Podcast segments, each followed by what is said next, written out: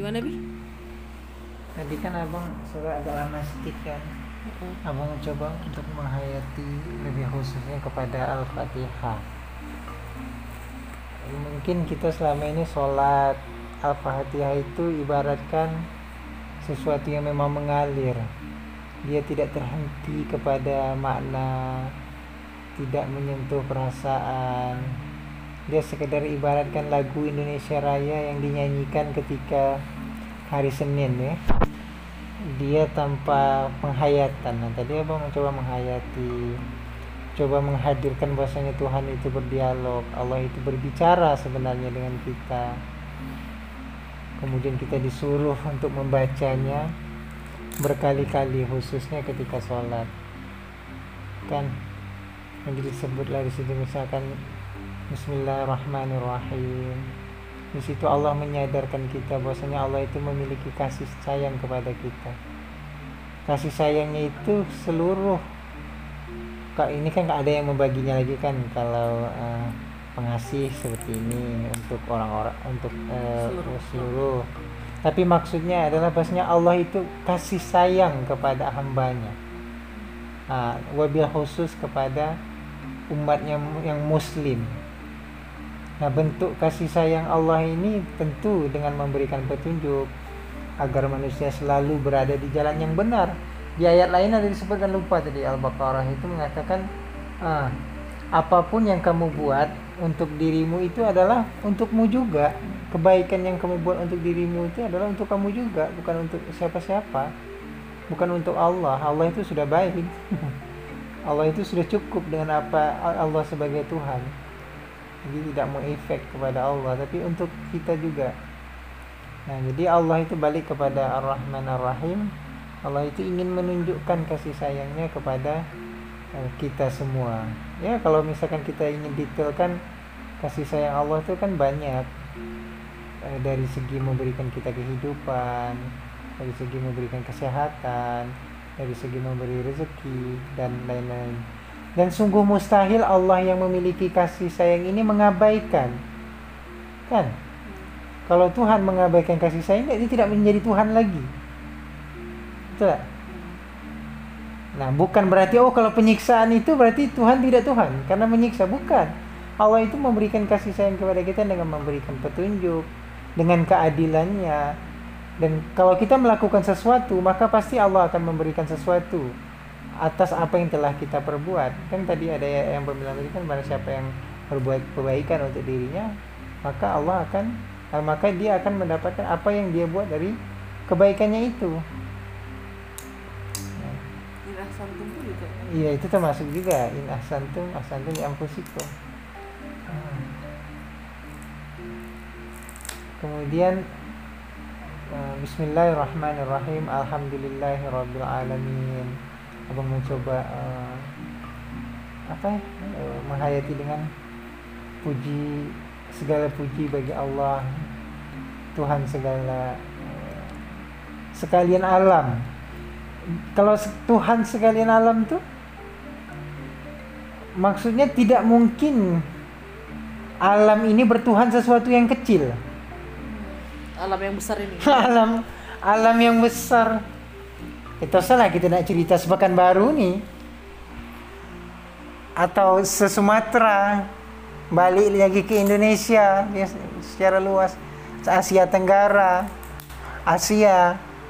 Kemudian balik lagi ke bumi seluruhnya segala benua. Balik lagi ke planet-planet. Jadi kalau ditarik tuh betul-betul sekalian alam besar tuh bukan kecil tuh sekalian alam. Tak mungkin yang alam yang besar ini bertuhankan dengan yang kecil. Jadi memang wajar kita mengucapkan segala puji bagi Allah ya. balik-balik lagi apalagi untuk mengurus makhluk yang kecil kayak kita nih berdua nih Alamak kata orangnya, apalah kau nih kecil. Nak-nak ngurus. Jadi semuanya itu ngerti dah apa yang ingin abang sampaikan iya, ya, maksudnya kemahabesaran Allah itu meliputi segalanya itu kan uh, Rabbul alamin, alamin. Dan, dan di satu sisi itu juga ter termasuknya kalau kita bukan analogi kan nggak bisa lah menganalogikan Allah dengan manusia. Cuman maksudnya ketika kalimat alhamdulillahirabbil alamin tuh itu sebetulnya powerful. Karena apa kita aja kadang ngomongin membanggakan memuji manusia tanda Hmm. kutip itu luar biasa tuh Wih dia tuh terkenal sepekan baru. Ah, itu kayak udah wow gitu ah, seakan-akan kita sudah berlindung di balik namanya kadang. Iya, nggak itu itu lain Ah. Maksudnya. Putih Putih mau ngomongin pujian ini loh. Iya. Mm. Misalnya, dia tuh terkenal di Indonesia, Hmm. se Indonesia gitu. Hmm. Padahal Indonesia apalah mungkin dia terkenal di Pekanbaru, Yes. tidak terkenal di kota lain. Dia Yes. terkenal di Indonesia tapi nggak terkenal pun di negara lain gitu. Bahkan tak terkenal di langit. Iya, nah Allah itu Tuhannya. pujian. Kenapa pujian itu untuk Allah? Karena Rob. meliputi segalanya. gitu. Jadi ya itu Banyak aspek Bib ya. Itu misalkan dari sisi bagaimana Allah menjaga kita Rob tuh Bib. Tahu enggak Rob itu? Artinya Allah itu eh, kalau di apa mem- mem- mem- memberi, menjaga, mengasuh, melindungi, mengasuh, semuanya ada pada Rob itu. mendidik ya. Mendidik, semuanya itu kan semua makhluk. pendidik pendidikan tarbiyah kan. Hmm, terbiah ya. Nah, jadi apa ya? Kita nggak bisa eh, untuk untuk eh, mengecil ataupun atau membesarkan diri kita membesarkan diri kita dan tidak mungkin Allah itu tidak memberi kita gitu ya. Dari sisi aspek eh, Iya, perundungan. dari dua aspek ya jadi kalau dari kita apalah kita nih yang mau merasa besar Hmm. kayak kita contoh lah kita aja misalkan Lazis Food misalkan kita merasa terkenal di KL gitu Hmm. Itu, Itu hanya di KL.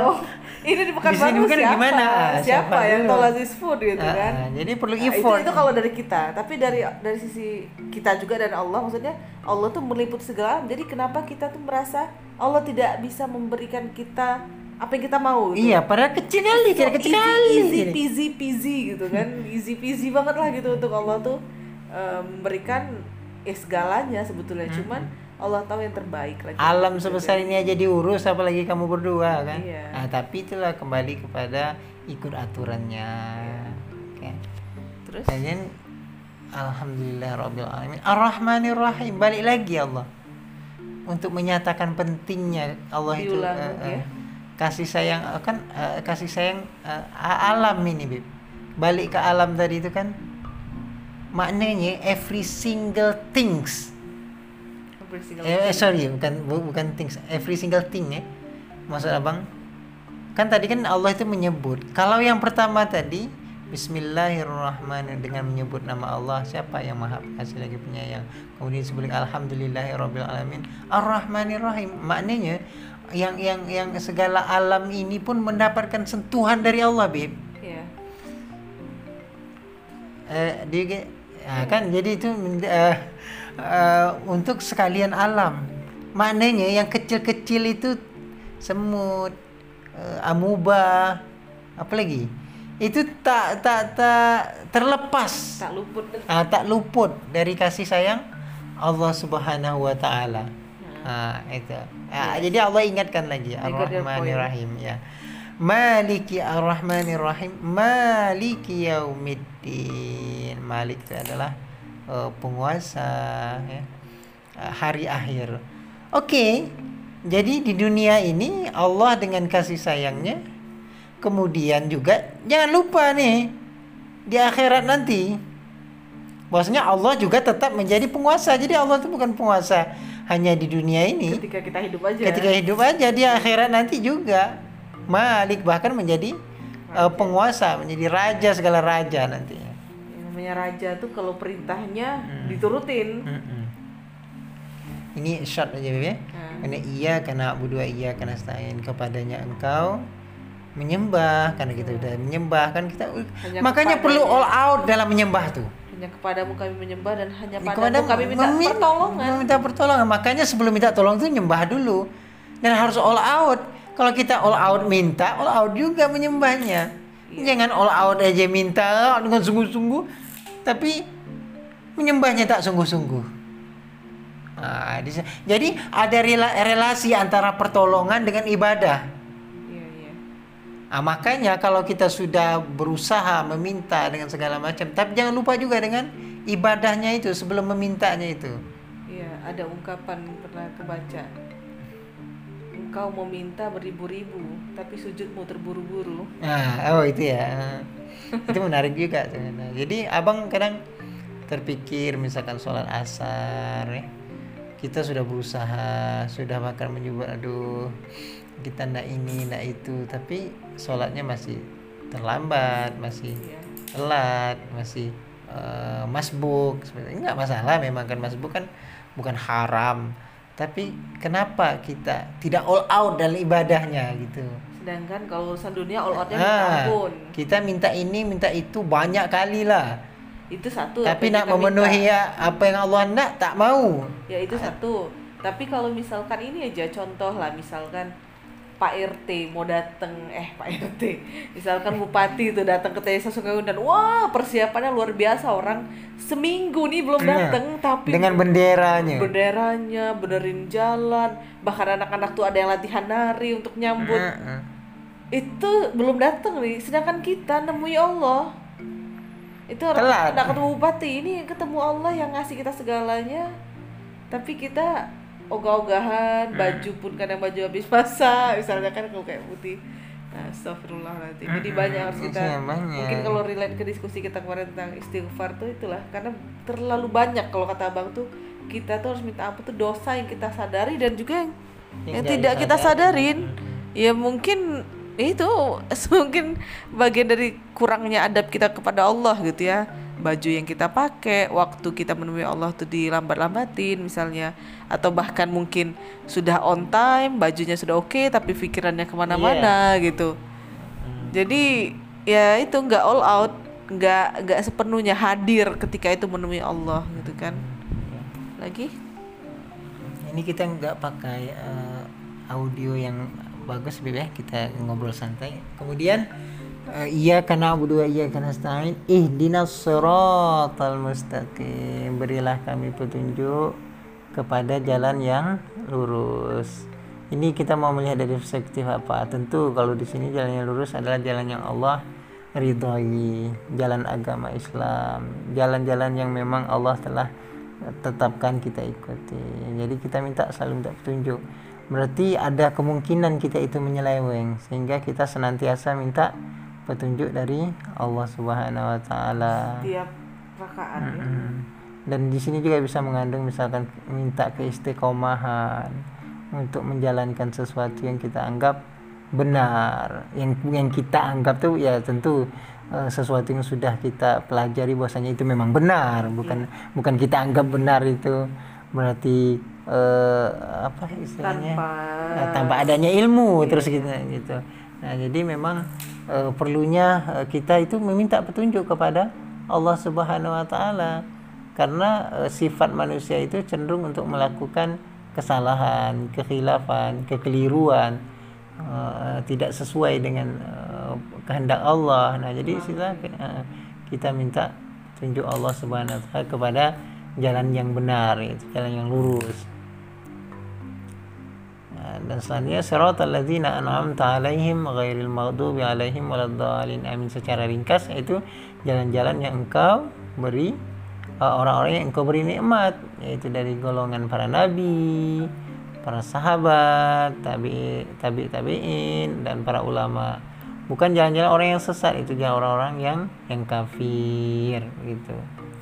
Nah, jadi gini Bib, jadi sebenarnya kenikmatan yang tertinggi itu adalah ketika kita berada di jalan para siddiqin, di jalan para, para nabi, bukan pada jalan eh, orang-orang kafir. Jadi tatkala kita melakukan kebaikan sekecil apa pun, nah ini kita lihat konteksnya. Kalau kita sebagai pedagang, sekecil apa pun yang kita lakukan dalam perdagangan kita, kalaulah itu memang karena Allah Subhanahu wa taala, maka itu adalah sebuah kenikmatan.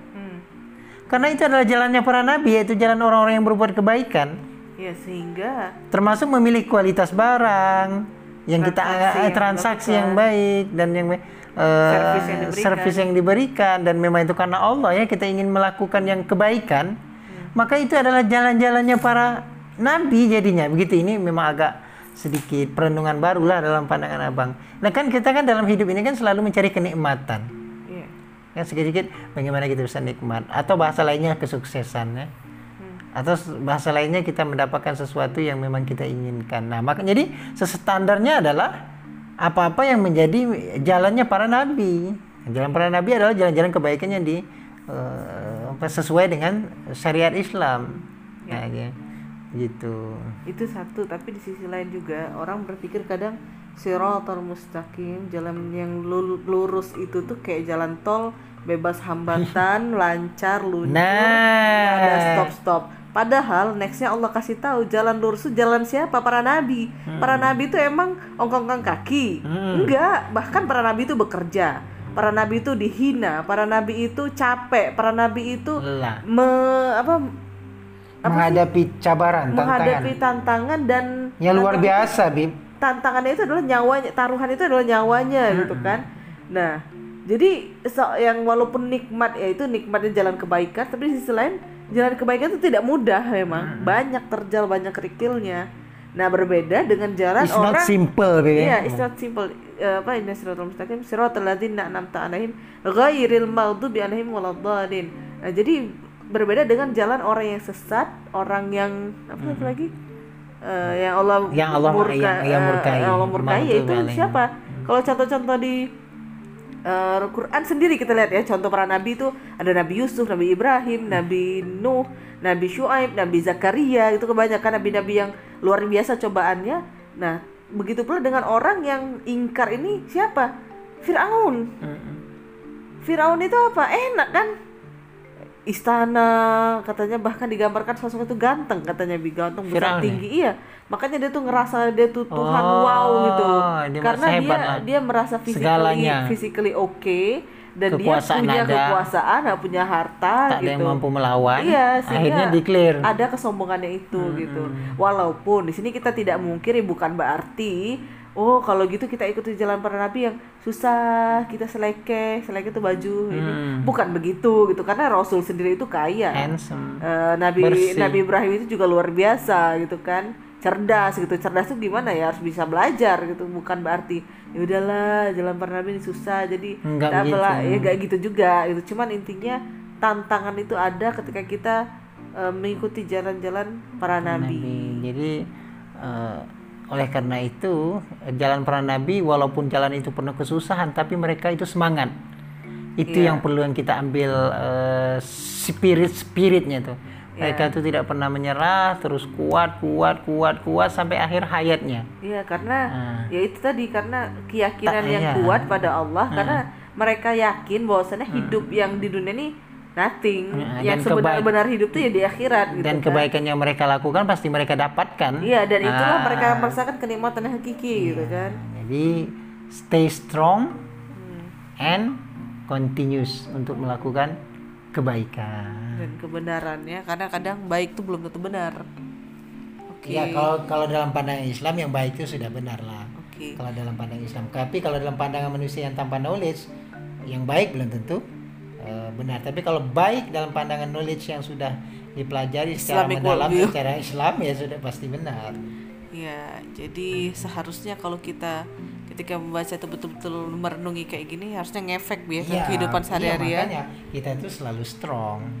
Makanya Al-Fatihah itu selalu di repeat, ya, diulang-ulang, diulang. Oke, thank you sayang.